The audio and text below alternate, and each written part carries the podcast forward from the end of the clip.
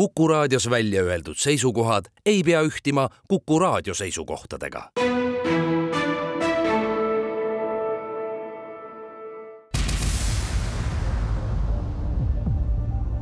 käsi pulsil, pulsil, pulsil, pulsil tere päevast, kell on seitse minutit üle üheteistkümne, alustame saadet Käsi pulsil. stuudios on Martin Eala ja Kalle Muuli. Tere hommikust! esimese teemana arutame Zelenskõi visiidi järelmeid opositsiooni seisukohast ja meil on saates külas Isamaa esimees Urmas Reinsalu. teiseks räägime õpetajate streigist, mille kohta siis on haridusminister veel ütelnud, et äkki õnnestub ära hoida ja võib-olla tõmbame mõningaid paralleele ka Saksamaaga kus käib, võiks ütelda siis kaheksakümne viimase aasta üks suurimaid meeleavaldusi. Jah, ja siis on meil nagu ikka nädala pärlikene,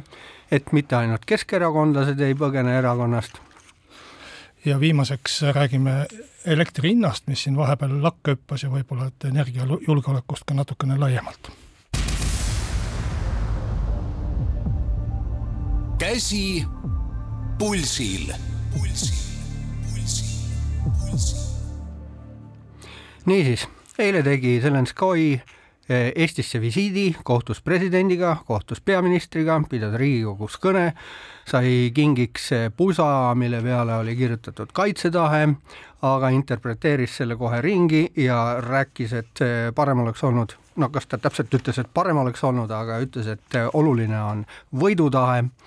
Ja eh, noh, see selline visiit nüüd, et see on ilmselt üksnes äh, sümboolne samm, ei olnud ju ühtegi olulist lepingut, mida oleks sõlmitud või deklaratsiooni, ühisdeklaratsiooni. ja nüüd ma küsingi, äh, Urmas, et miks see visiit toimus just nüüd ja mis on selle tähtsus, et kuidas see tundub? nii, tere kõigepealt äh, saatejuhtidele, väga huvitav saade, ma pean tunnistama, inimestelt palju Aitäh. positiivset tagasisidet saanud, et öeldakse asju otse et ma arvan, et läbi lillede aeg peakski olema möödas. nüüd eh, ütleme nii, et eh, ega seda visiiti tulebki vaadata, kui see oli eh, ennekõike tänuvisiit ja kompleksis kolme Balti riiki, et kui, kui ka Ukrainas küsitakse selle kohta, et äh, on avaliku arvamuse uuringud, et äh, vaatasin, Rahvusvaheline Vabariiklaste Instituut tegi, et mis, mida ukrainlased, milliseid riike peavad oma suurimateks toetajateks, Balti riigid, Poola, noh ja siis Ühendkuningriigid, Ameerika Ühendriigid, et see on see riikide grupp. ja ma usun, et Eesti rahvas on selle tänu ära teeninud ühemõtteliselt. Ja äh, teiselt poolt äh, nüüd tegelikkuses äh, Leedu ja Läti teatasid oma järjekordsest relvaabipaketist, tõsi küll, äh, Eesti juba teatas sellest eelmise aasta detsembris, oli saja miljoni euro ulatuses. ja sõlmiti ka vist üks, äh, aga noh, see ei olnud nüüd presidendi tasemel leping, oli vist Kaitsetööstuse Liiduga ja koostööst seal Ukraina kaitsetööstusega. ma usun, et et meile annab ta mõnes mõttes noh, nagu alati ka poliitika, rahvusvaheline diplomaatia on inimsuhted, annab nüüd praegu minu hinnangul sellises kriisis, kuhu mõneti lääne toetus Ukrainale on sattunud, annab võimaluse kindlasti seda noh, rahvusvaheliselt liitlaste ees äh, ka viimase nii-öelda otseinfo alusel meie riigijuhtidele esile tõsta. Ja teine äh, oluline element on see, mida ma usun, ka Ukraina president, Ukraina poliitikud on korduvalt rõhutanud, et kui Ukraina kukub, on nii-öelda teised riigid on järgmised, sealhulgas NATO piiririigid, ehk siis meie, aga ka noh, mitte NATO-sse küll kuuluv, aga siis ka Moldova vabadus on ohus. Nii et ma usun, et kindlasti Ukraina presidendi sõnum, mis ta siin Tallinnas eile ütles, osundas sellele, et mitte ainult meie saatus ei ole vaekausil, vaid otsustatakse kogu globaalne käsitlus vabadusest, et küllap ka Ukraina eh, soovis seda eh, või oma hilisemates järgmisetes visiitides saab ta sellele viidata, et ta on käinud ka NATO idatiival, mis on samuti ohu all, kui Ukraina sõja tulemus no saavad, saavad need teised riigid eh, sellest ikkagi aru, teised riigid, siis me peame ju silmas põhimõtteliselt ikkagi Lääne-Euroopa riike lääneriik, noh, seal küll mõned kaitseministrid on teinud väga dramaatilisi avaldusi, Rootsi ja Holland isegi, aga, aga kui, kui nüüd vaadata tegusid ja, ja Ukraina president ju rõhutas, et ma ei vaja ordeneid, ma vajan relvi et siis Eesti miljoni mürsu algatus äh, oli küll tubli ja leidis palju vastukajasid, aga mürske ei leidnud. ja, ja samamoodi võib ju minna ka selle null koma kahekümne viie protsendiga SKP-st, mis on nüüd Eesti algatus, et äh, iga riik paneks äh, pidevalt iga aasta sellise ulatuses oma, omal relvastust või raha välja. et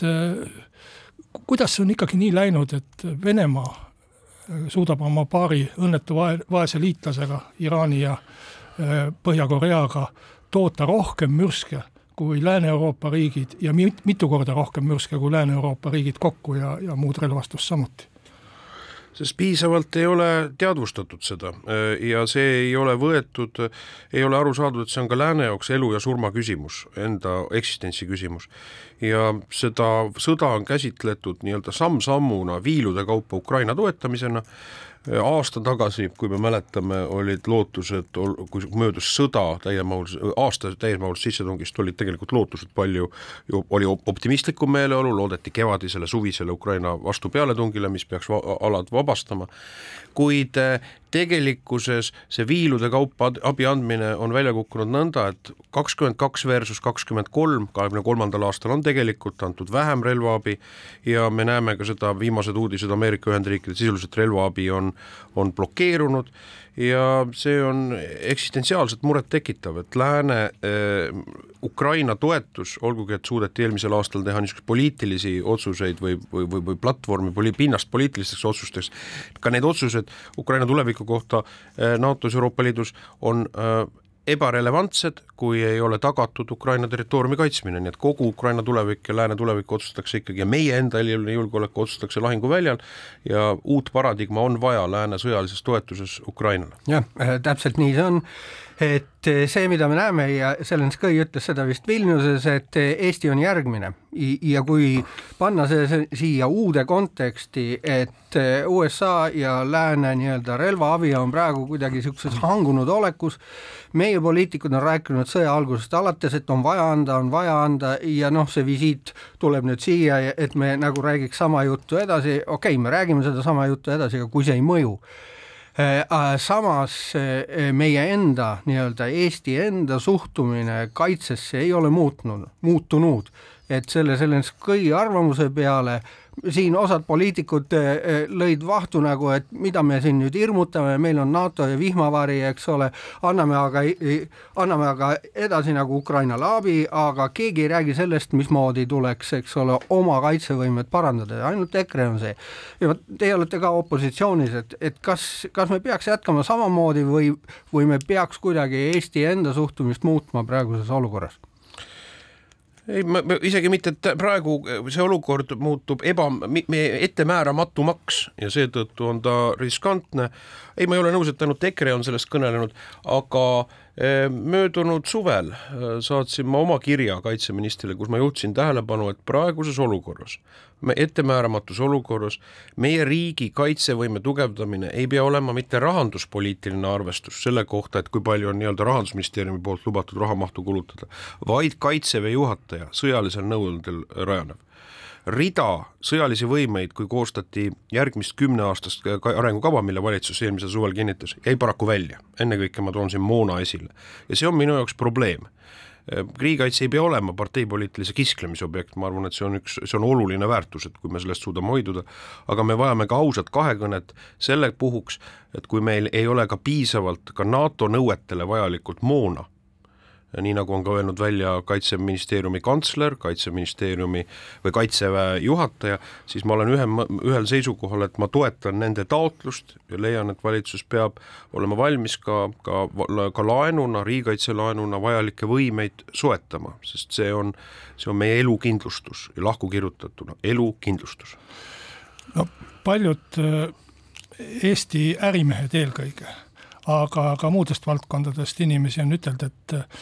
et äh, ärge, ärge rääkige sõjast, püüame jätta läänele muljet, et meil on siin rahulik piirkond ja et me võime olla küll piiririik, aga meie, meist ei saa rinderiiki,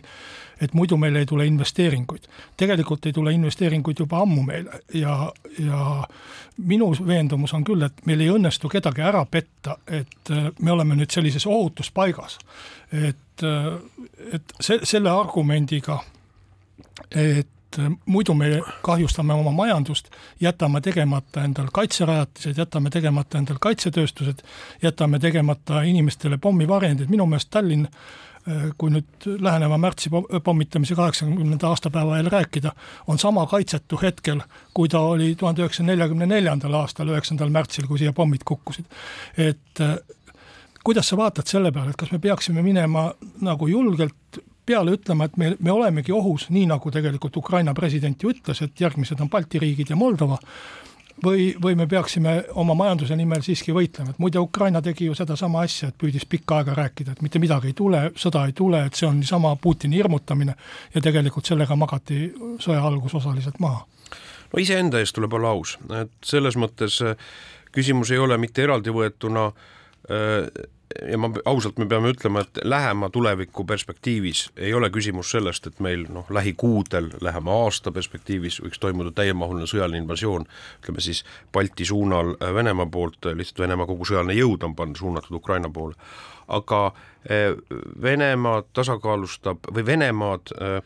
julgustab äh, lääne jõuetus ja, ja kui tugev on lääs Ukraina toetamisel, see on praegu kaalukausil ja, ja noateral. nii et äh, ma arvan, et me peaksime olema ausad oma liitlaste suunal, me peaksime olema ausad, ütlema, et kogu Euroopa julgeolek on, äh, on kriitilisel vaekausil ja me peame panustama sellesse nii iseenda kaitsmisse kui ka liitlaste suuremasse kohalolekusse siin. Ning see, mis puudutab investeeringuid, ma usun, et ega jutupunktid ei muuda investeerimisotsuseid, vaid et kui ka võimalikel investoritel on veendumus väga ratsionaalsel valikul, et me oleme kaitstavad ja meil on endal piisav võimekus koos liitlastega kaitsta, siis ma arvan, et see on pigem, pigem äh, pigem ka mingisuguselgi moel investori hirmude maandamine. see, see kõlab väga rahustavalt, see kõlab isegi petlikult rahustavalt, et tegelikult kui olukord on säärane, nagu ta paistab, et, et lääs on kuidagi uimane ja meil on vaja põhimõtteliselt oma enesejulgeoleku äh, Äh, päästmiseks oma reaalset nii-öelda kaitsevõimekust tõsta kõigil tasanditel, siis tuleb retoorikat ja kogu seda suhtumist muuta otsustavalt, nii et sellest oleks aru saada, mitte ainult nii, et tõesti EKRE räägib eh,, Isamaa ütleb, ja me oleme ka seda rääkinud, aga tegelikult ei toimu seda nii-öelda vaatenurga muutust ja siin on vaja seda vaatenurga muutust. ma ei tea, mida selleks ette võtta. Või, või olen ma lihtsalt liiga hirmul ei, ma arvan, et äh, see mure selle kohta, et kas me teeme piisavalt äh, oma kaitsevõime arendamisel, ma arvan, et see on relevantne et äh, on rida otsuseid, mis on tehtud, aga rida otsuseid, ütlen ausalt, on puudu. see eeldab teatud paradigma muutust, selle paradigma muutus tähendab seda, et Eesti kaitseks vajalikke otsuseid tuleb langetada sõjalisest nõuandest, mitte finantsilisest piirangust johtuvalt. see sai kirjutatud sisse eelmise valitsuse koalitsioonilepingusse sellise mõttekäiguna minu ettepanekul ja see on ka tegelikult tänase koalitsioonivalitsuse programmis sees, kuid ma pean tunnistama, et ma ei näe, et seda tegudes täies mahus oleks realiseeritud, see on probleem, ütlen ausalt välja. ja lääne jõuetus on samuti eluline probleem, sest ajalugu meie silmade all sünnib ja me näeme seda, et praegu on vägagi suured küsimärgid, mis suunal selle aasta jooksul areneb Vene-Ukraina sõda? no üks eeldus, millest justkui lähtutakse ja mida väga pikalt on korratud, on see, et noh, Venemaa on sellest sõjast nii läbi omadega, nii nõrk, sanktsioonid on tema majanduse ära kurnanud ja nii edasi. nüüd me näeme juba ühe aastaga, et Venemaa on aastaga palju tugevamaks läinud selle sõja jooksul, toodab rohkem mürske, sõdib äh, paremini ja nii edasi. et äh,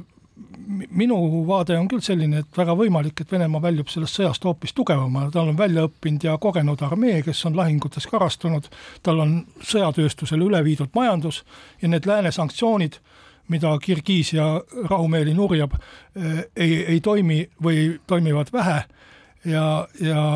meil ei maksa ennast rahustada sellega, et Ukraina kurnab Venemaa nii ära, et Venemaa pärast sõda, ükskõik mis tulemusega see sõda siis lõpeb, ei suuda viis-kuus aastat või palju seda prognoositakse, Eestit rünnata. aga eh, see selleks, see on selline minu vaade, aga ma küsiksin eh, lõpetuseks sellise küsimuse, et Ameerika president Biden on noh, olnud väga ettevaatlik, et mitte öelda oma poliitikast läbi kukkunud Ukraina osas, relvastades Ukrainat ainult jao pärast nii palju, et Ukraina päris kokku ei kukuks. ja, ja ei ole võimaldanud sellist relvastust, mis oleks Ukrainal edukalt võimaldanud rünnata et kuidas sa vaatad presidendi võimalikule vahetusele Ameerikas aasta pärast, kui Donald Trump näiteks saab presidendiks, kes on kõige tõenäolisem rivaal, et kuidas see võiks sõjakäiku muuta? oluliselt, Trump on Trumpi peitub ettemääramatus, mida me tegelikult, ta loeb oma suurimaks brändiks ka rahvusvahelistes suhetes, et tegelikult me ei tea, mida ta teeb. see retoorika, et ta on lubanud sõda lõpetada kahekümne nelja tunniga, noh, ma arvan, et see, et ma loodan väga, et selles ei sisaldu mõttekäiku, et survestada Ukrainat mingile separaatrahule, viitega siis, et äh, abi ei anta. aga ma arvan, et on nii-öelda väga äh, kaalukas versioon peab olema, me peame lähtuma sellest, et Trump äh, on järgmine president see on täiesti realistlik, vaadates praegu arv, avaliku arvamuse küsitlusi. nii et meie, meile, meie peame olema võimelised mõlema Ameerika administratsiooniga, ükskõik emma-kummaga, tõsist koostööd tegema ja realistlikult arvestama ka siis nende tõenäosustega, mil-, mida kummagi administratsiooni puhul tehtud on, sest noh, tuleb ausalt tunnistada, et see probleem, et äh, Ameerika Ühendriigid ei suutnud ka piisavalt heidutada Venemaad, et seda sõda poleks üldse täiemahulise rünnakuna hakanud, see on väga tõsine probleem, et järelikult Putin hindas, et Bideni administratsioon on piisavalt jõuetu, see on tõsine probleem, kui me vaatame nüüd kaks aastat tagasi.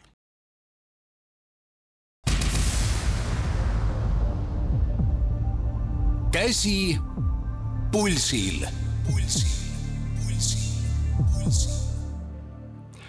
jätkame siit eh, Ukraina teemal, saates eh, juhid on Kalle Muuli, Martin Ehala ja külas on Urmas Reinsalu. Ja Zelenskõi, kui ta oli eile Eestis, rääkis, et Ukraina vajab oma mehi tagasi, et nad kas läheks rindele või nad siis töötaks Ukraina heaks Ukrainas no ja osa neist on eh, kindlasti eh, saabunud nii-öelda Ukraina mõttes ebaseaduslikult Eestisse, sest minu teada Ukraina on keelanud ära mobilisatsiooni ealistel meestel Ukrainast lahkuda. nii et põhimõtteliselt meil oleks siis ju õigus hakata neid mehi tagasi saatma, isegi kui Ukraina seda ei küsi, et, et kas me peaks seda tegema, Urmas? See on tegelikult, ma mäletan, eelmisel kevadel ma rääkisin ka sellest Ukraina suursaadikuga, kui oli jutt täpselt sellest, et ajutise varjupaiga andmisest, noh, tema to-, eelmise saadiku siis toonane vastus oli selline, et Ukraina riigil ei ole see, juriidiliselt ei ole niisugust regulatsiooni paika pandud, et et inimesed, kes on välisriigi territooriumil juba on, et nad peaksid ajateenistusse minema, et ma arvan, et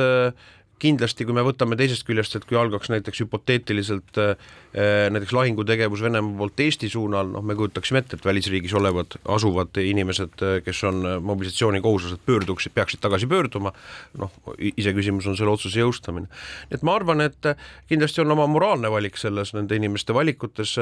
aga ma arvan, et siin kõige ratsionaalsem on Eesti riigil teha koostööd Ukraina ametivõimudega, et kui Ukraina, praegu on, mis on huvitav see, et just Zelenski visiidi ajal Ukraina ülemraada saatis eile tagasi mobilisatsiooniseaduse valitsusele, mis siis leiti, et on liiga noh, toores, tuleb veel ümber teha selle nii-öelda poole miljoni uue mobiliseeritu kohta. Ja noh, seal on ridamisi niisugusi kõlbelisi valikukohti sees, et ke, ke, mis järjekorras ja kes peaksid minema rindele ja noh, väga nagu kuulda on olnud, siis ka selle üle on arutelu Ukrainas käinud, et kuidas käsitleda, ütleme siis ajateenistus või kaitseväe kohuslastest äh, täiskasvanud mehi, kes on siis äh, väljapool Ukraina territooriumi. praegu Ukraina riik ei ole äh, minu teada ühelegi riigile ametlikku niisugust nõudmist esitanud, et neid isikuid siis välja saata. no siin on ka Eesti, Eesti riigi selline kõlbelik valik, kõlbeline valik, et et kuidas üldse vaadata sellele, et me anname varjupaika inimestele, keda vajatakse kodumaal, noh, olgu siis maksumaksjatena või rindevõitlejatena ja kes ka võib-olla, et Ukraina seaduste järgi peaksid olema kodumaal, aga samas on küsimus, et kuidas me neid ikkagi saaksime välja saata, et Euroopa Liit on ju, Schengeni ala on ju vaba liikumisega, kui, kui Eesti üksi hakkaks seda tegema, siis võiks Ukraina potentsiaalne sõdur olla järgmisel päeval Lätis või Saksamaal või kus iganes, et kas, kas Eesti nagu teoreetiliselt, kui ette kujutada, et Eesti peaks hakkama neid siin kinni püüdma ja välja saatma, vaguni, vagunisse panema ja ja Ukrainasse tagasi küüditama, et kas see nagu on mõeldav üldse, et Eesti üksinda saaks seda teha või, või hakkama? No üle Euroopa on nagu kokku lepitud, et ajutise varjupaiga andmine teatud tunnustele vastavalt äh, nendele Ukraina kodanikele, küllap riigid jõustavad seda praktiliselt, sest me teame ka ise näiteid, kus meie oma idapiirilt oleme ka Ukraina passiga inimesi, on mingid noored mehed tulnud ja kus on kahtlus olnud, siis meie politseil on ka jäetud riiki sisenemine keelatud. et neid juhtumeid ju on, on olnud, küllap need on politsei poolt siis julgeolekukaalutlustel läbi kaalutud olnud nüüd äh, selle kohta, et äh, kas seda on võimalik äh, jõustada, noh, see eeldab seda, et meil on täielik jooksev ülevaade, kes meie riigi territooriumil on, et seda ma olen korduvalt tähelepanu juhtinud ka siseministrile, et meil tegelikkuses tuleb tunnistada ja ma arvan, et see on vägagi tõsine probleem, et ütleme, sõjas oleva riigi, naaberriigina, ega meil füüsilist elanike registreerimist, mis puudutab ka siin ajutiselt asuvaid inimesi, et me reaalajas teame, kes on, kes ei ole, olgu ta Vene Föderatsiooni kodanik või Ukraina kodanik, meil tegelikkuses ei ole. et need tuginevad kaudsetele andmetele ja ma arvan, et see on kindlasti pikemas vaates noh, probleem, jättes kõrvale rahvastiku noh, statistika üldise ülevaate, on see ka kindlasti julgeolekuliselt oluline küsimus. et minu vastus on, et kas seda peaks eraldi autonoomselt Eesti riik tegema, ma arvan, et juhul, kui Ukraina riik sellise palvega pöördub, siis ma arvan, et Eesti riik peaks olema valmis enesestmõistetavalt Ukraina riigile vastu tulema jah, eh, siit tuli nüüd välja ka eh, tegelik selline probleemkoht, et meil puudub ülevaade nende inimeste üle, et kes siin tegelikult on. nii et isegi kui Ukraina küsiks, et, et me tahame neid mehi tagasi, me ei tea, kui palju neid mehi siin on, kas nad on kõik ennast võtnud eh, arvele, kas neil on ajutine elamisluba siinse kaitsega või mitte, aga see sõltub ju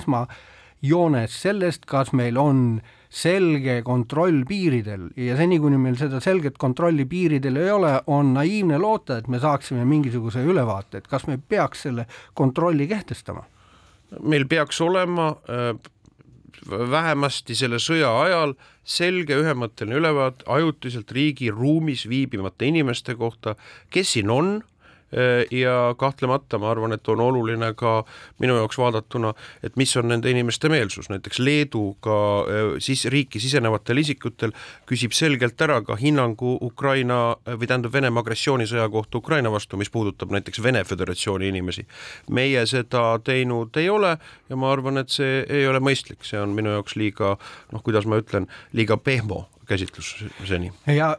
ja see on nagu oluline küsimus, sest eh, hiljaaegu meil ka ilmus Postimehes artikkel, eh, üks Ukraina teadlane Olga Matvejeva kirjutas, et et teada on, et umbes kakskümmend kuni kolmkümmend protsenti Ukraina elanikkonnast on Kremli-meelsed ja kui ma nüüd olen selline Kremli-meelne inimene Ukrainas ja sõda algab, siis loomulikult eh, mõistlik on jalust ära kolida, eks ole, ma ei ole patrioot, sõdida ma ei taha. E, Eesti on selles suhtes suurepärane koht, kuhu kolida, eks ole, eestlased võtavad ukrainlased suurepäraselt vastu, eh, arvavad, et kõik nad on ukrainlased, aga pole võimatu, et suur osa neist, kes on tulnud meile Ukrainast on tegelikult eh, Kremli-meelsed, südames hoiavad Putini poole, eh, saavad hea vastuvõttu nii eestlastelt kui ka kohalikelt venelastelt, kellega leiavad ühise keele. kas see on meile probleem või ei ole, kas me peaks midagi ette võtma? kas me peaksime põhimõtteliselt muutma Eesti riigi käsitlust Ukraina sõjapõgenike kohta, ei, ma arvan, et ei peaks muutma. Kas tõenäoliselt, et me peame, tegelikult me peame oma, omama olukorra üle ülevaadet ja kas meil peab olema ka kindlasti julgeolekuline skriinimine, vastus on ühemõtteliselt jaatav. ega ei ole ju saladus, et ka osa Eesti alanikest elanikest peab sõjas näiteks süüdlasena äh, Ukrainat ennast või lääneliitlasi, selles ei ole mingit kahtlust, seda näitavad ka noh, ütleme anonüümsed avaliku arvamuse uuringud, ennekõike vene emakeelega inimeste hoiakute osas. Nii et kas nad moodustavad suure osa või enamuse, ma seda, niisugust väidet ei julge küll püstitada, et ma arvan, et ju, ju on ka kindlasti neid inimesi, kes on sõja suhtes sarnasel seisukohal nagu vene emakeelega inimesed, osa vene emakeelega inimesed, kes Eestis alaliselt elavad aga ma küll, ma ei, ma ei väida, et see on enamus või mul puudub niisugune info eeldus. saate või saate selle osa lõpetuseks Äh, küsiksin hea meelega, et äh, millised on need äh, esimesed põhimõttelised tegevused, mida Eesti peaks nüüd algaval aastal tegema Ukraina toetuseks, mis, mis asjad need on, mida me nüüd ette võtame, peale selle, et me andsime Ukraina sõdurile ordeni? üks asi, mis minu meelest on, mida ma tegelikult suhtlesin eile ka Ukraina välisministriga, tegelikult täna hommikul rääkisin ka Eesti välisministriga, et meil on parlamendi menetluses Äh, on äh, Euroopa Liidust, me oleme esimene riik, kus on siis tegelikult külmutatud varade, äh, sanktsioneeritud varade nii-öelda Ukraina ülesehitamise kasuks pööramise seadus. me peaksime selle venitusteta vastu võtma, et julgustada ka suuremaid lääneriike sedasama tegema, sest praegu on ikkagi noh, paradoksaalne olukord, kus lääneriigid vaidlevad selle üle, kas leida oma raha, noh, a la Ameerika Ühendriigid, eks ole, aga sellel ajal seisab Putin ja tema sõltlaste raha seisab pangaarvetel kolmsada miljardit ja seda ei kasutata. et Eesti võiks olla siin esimene riik, kus nagu tegelikult on nagu noh, teerajaja selles praktilises sammus kiiresti. jah, aga Euroopa suurtel riikidel on oma raha Venemaal kinni, nii et eks see on üks asi, miks nad kardavad ja teine asi on muidugi see, et mismoodi suhtuvad asjasse Brasiilia, India ja need maad, kes on suhteliselt neutraalsed, et kui näiteks Ameerika Ühendriigid võtab nüüd venelase raha ära, et, et kuidas need riigid suhtuvad, kes on nagu harjunud selle reegliga, et üldiselt raha ei tohi puutuda nemad suhtuvad sellesse, ma arvan, eh, kindlasti mitte soosivalt, et tõsiasi, kui me kõneleme praegu sanktsioonipoliitikast, siis sanktsioonid on olnud mõistlikud, eh, aga tuleb ausalt tunnistada, et Venemaa majandus, toormekaubandus on kohanenud lääne sanktsioonidega, need ei ole suudetud kõikehõlmavalt maailmas kehtestada. lääneriigid, ütleme G7 riigid, tajuvad seda, et nad ei ole enam nii suur erikaal gloobusel, et nad oleks võimelised kehtestama teiseseid sanktsioone, et et ka sanktsioonidest kõrvale hiilivad maailma suurvõimud muutuksid koheselt ise automaatselt sanktsioonide all olevaks ja see on probleem, et Venemaale on, Venemaa toormeäri ei ole suudetud nii-öelda rivist välja lüüa, vaid see on kasvanud.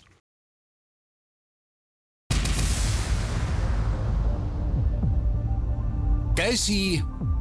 pulsil, pulsil, pulsil, pulsil.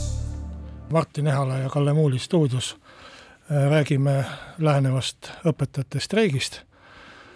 Äh, kahekümne teisel jaanuaril peaks see siis algama ametliku streigiteate kohaselt. Äh, noh, ajakirjanduses on väga palju juttu olnud sellest, et kuidas see streigi tehniline korraldus peaks olema, kas koolimaja uksed peaksid lahti olema või mitte, kas õpetajad peaksid saama palka või mitte, kas õpetajad peaksid eh, streigi ajal andmata jäänud tunnid pärast tagasi järgi andma või aine ära õpetama. sada miljon sellist nüanssi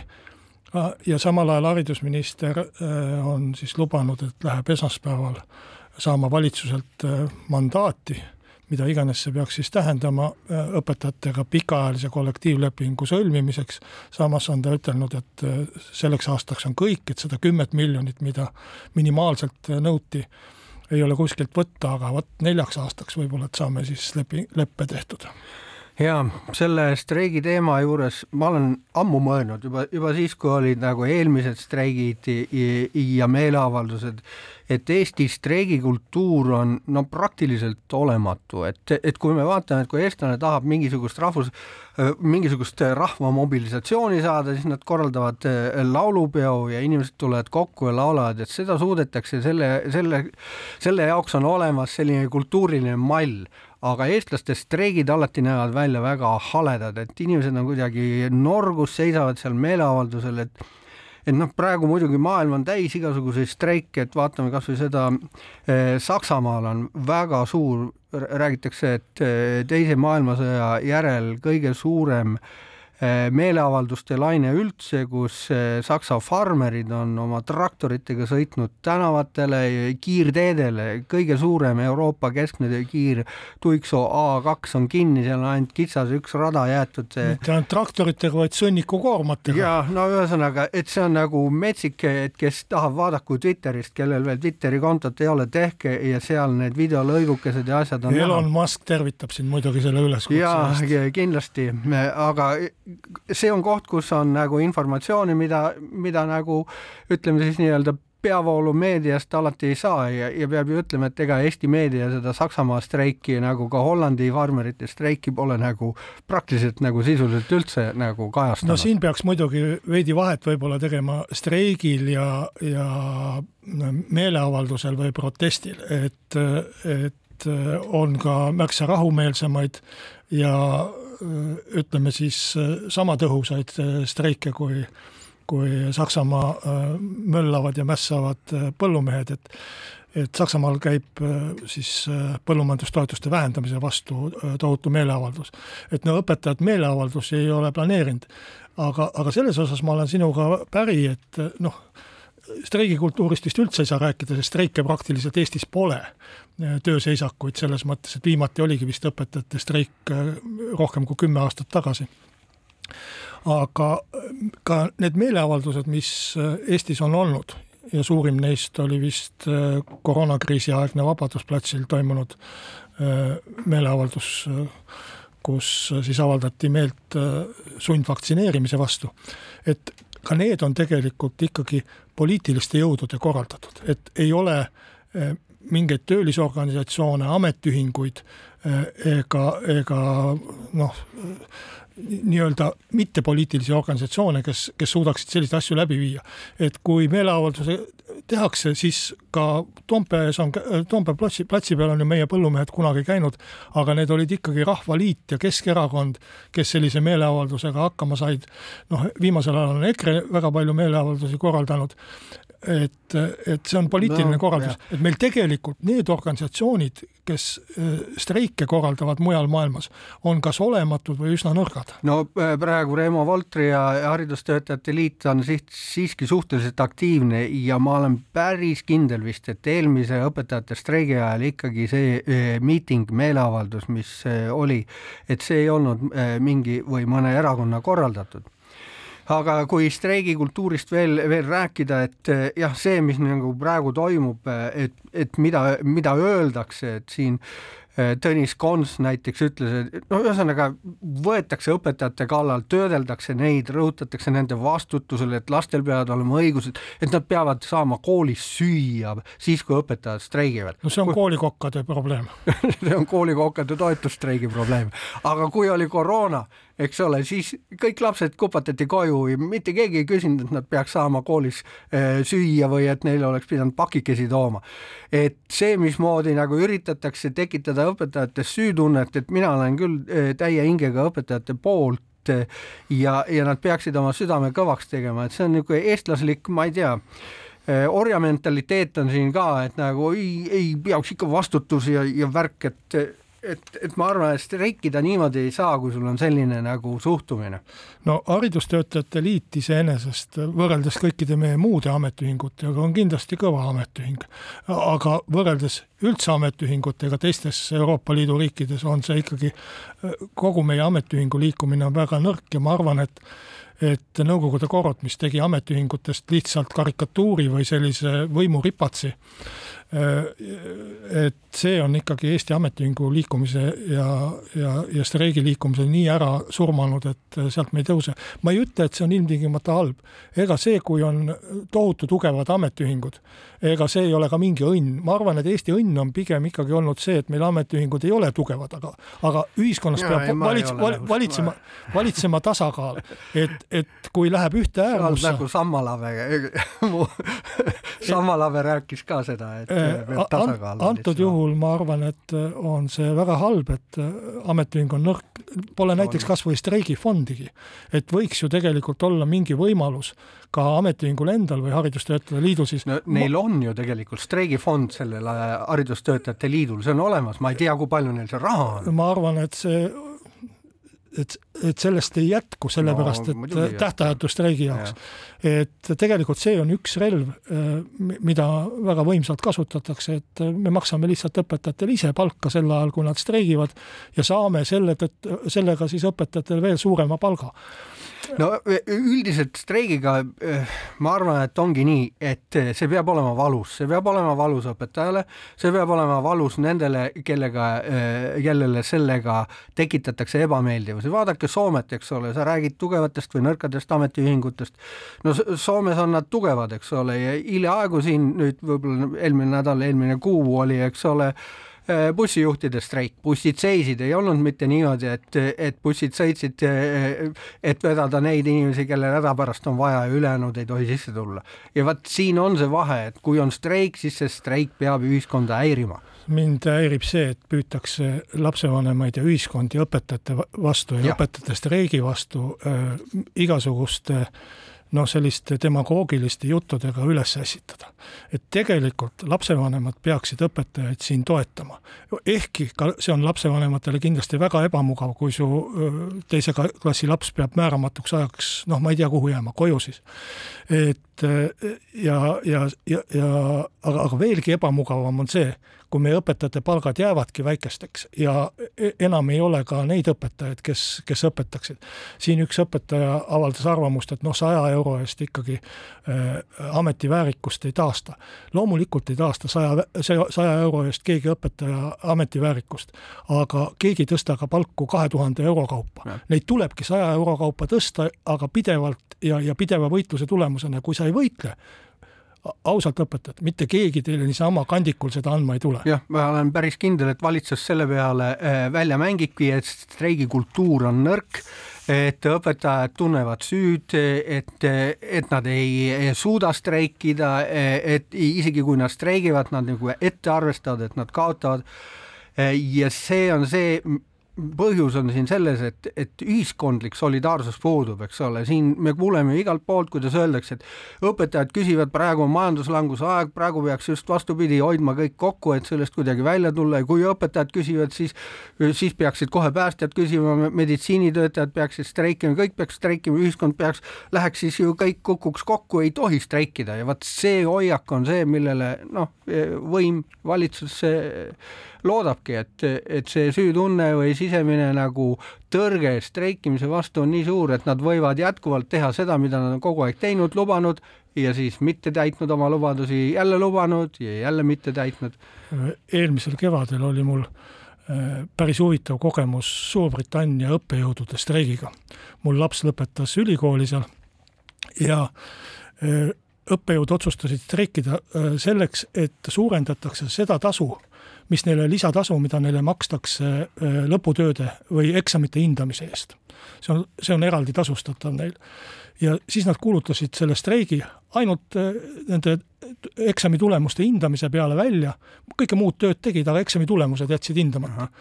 ja just sel ajal, kui eksami tule, eksamid olid ära olnud ja oli kooli lõpetamine. saad aru, terve Suurbritannia ülikooli lõpetajad ei teadnud, kas nad on lõpetanud ülikooli või mitte, mis tulemused nad eksamil said, kas kavandada lõpupidu või mitte ja veel enam, need, kes olid viimastel kursustel siis, nad ei teadnud edasi, kas nad saavad magistrisse minna, kas nad saavad tööle minna,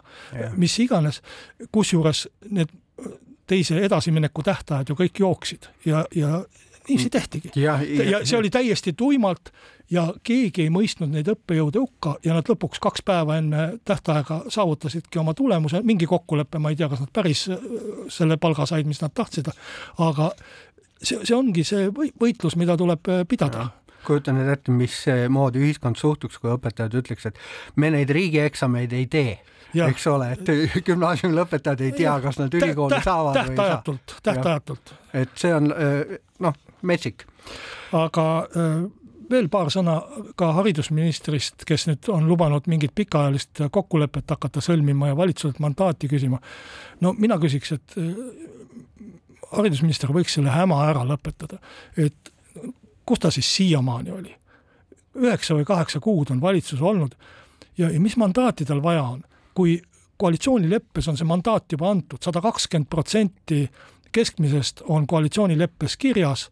ja, ja, ja selle võiks ära teha. aga noh, see mandaadi küsimine tähendab seda, et nüüd üteldakse, et valitsus jälle ei, ei teinud ja, ja peaminister saatis mind puu taha ja rahandusminister on vastu ja nii edasi. ja, ja sellega püütakse samuti seda õpetajate streiki nagu nõrgestada, et noh, ikka mingid läbirääkimised käivad ja äkki saame ilma hakkama, aga ei saa. valitsus mängib siin seda hea võmmi ja halva võmmi mängu, et haridusminister on siis hea võmm, kes käib, mõistab õpetajaid ja streigiks ise ka, nagu ta ütleks, kui ta oleks oleks õpetaja, käib valitsuses küsimas ja valitsus on see paha mamm siis no. kes lubab.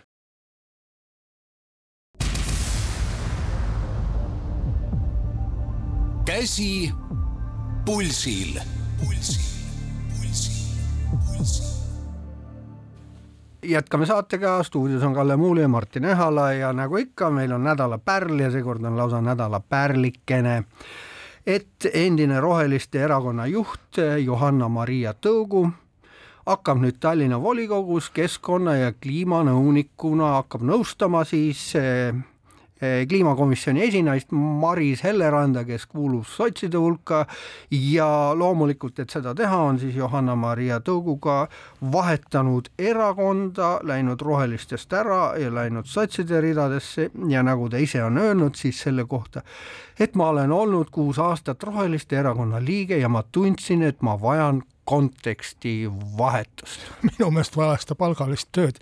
ja, ja Pärliga pole siin midagi pistmist, see on lihtsalt üks selline hale ja armat- ar,, armetu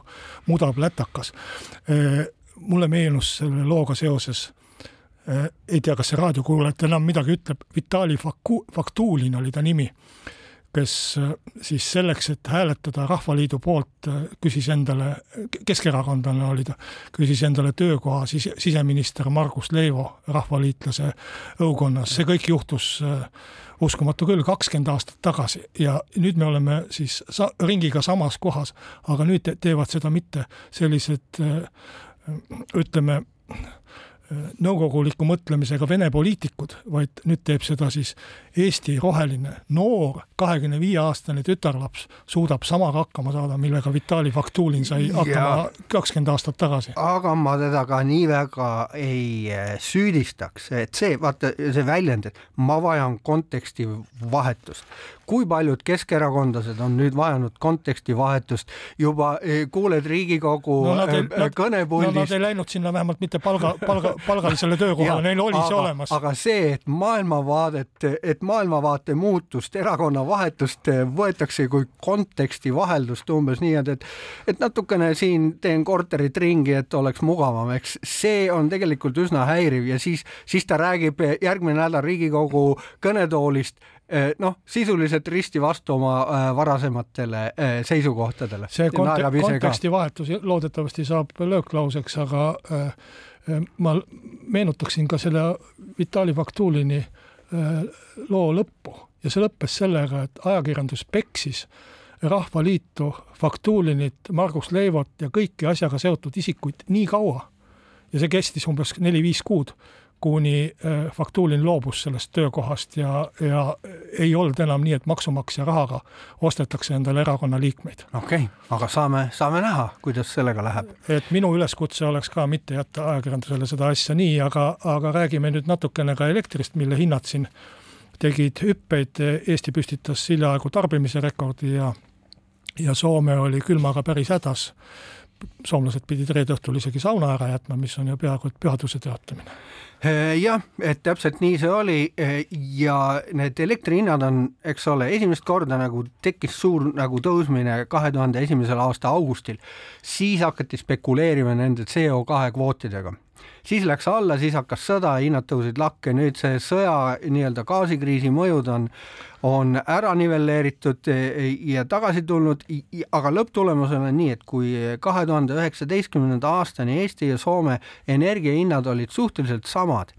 siis praegu me oleme olukorras, Soome hinnad tõusid küll ka, aga jõudsid tagasi sinna kahe tuhande üheksateistkümnenda aasta tasemele, Eesti hinnad on sellest poole kõrgemad praegu ja, ja miks see põhjus on, nagu üks selge põhjus on ka, et alates kahe tuhande kaheksateistkümnendast aastast ei ole Eesti elektrienergia tootmine enam äh, katnud meie oma tarbimist, on kuskil kuuskümmend protsenti sellest. Ja vot seal on see nagu äh, nende suurte hinnatõusude nagu põhjus aga nüüd, eh, kui me tahame teada, et millisest eh, lahendust pakutakse, et siis me võime eh, kuulata ära näiteks kliimaministeeriumi energeetikaosakonna juhi Rein Vaksi arvamuse, et kuidas me saaksime oma hinnad siis kontrolli alla. toonitan, et Eesti on meil täna viies kogu Euroopa Liidus taastuvenergia arendamisel, suurepärane tulemus, energiapoliitika töötab, siin ei ole küsimust. järgmine etapp, rohkem tuulikuid rohkem tuulikuid palun äh, maismaa peale, igasse kohalikku omavalitsusse nii palju tuulikuid, kui vähegi võimalik on, seal on see koht, kus kohas me saame elektri hinda lõpuks soodsaks.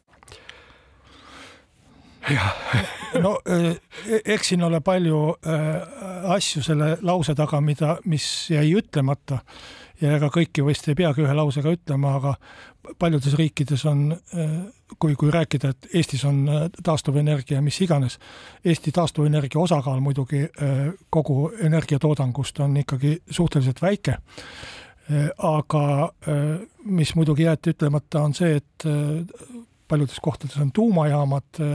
need, mis, mis annavad põhielektrit ja, ja võib-olla, et ei olegi seda taastuvenergiat nii palju vaja arendada. aga tegelikult, kui me räägime, siis Eesti põhiprobleem on see, et umbes kümme aastat või rohkem aeti Eleringi juhtimisel, kes ei ole poliitiline asutus, aeti spetsiaalselt poliitikat, kus rajatigi asi sellele, et noh, natukene taastuvenergiat ja ülejäänu siis impordime, kui vaja on. et Soomest torupidi tuleb. Taavi Veskimägi, kes Eleringi väga kaua juhtis, ütles umbes aastal kaks tuhat üheksateist või kaks tuhat kakskümmend,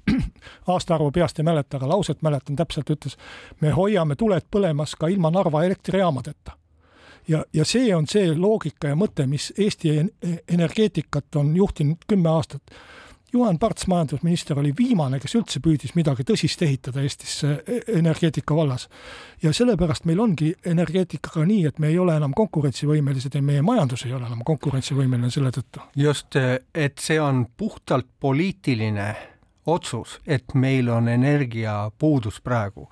Eh, rohepöördega võetud eesmärgid on saanud tähtsamaks energiajulgeolekust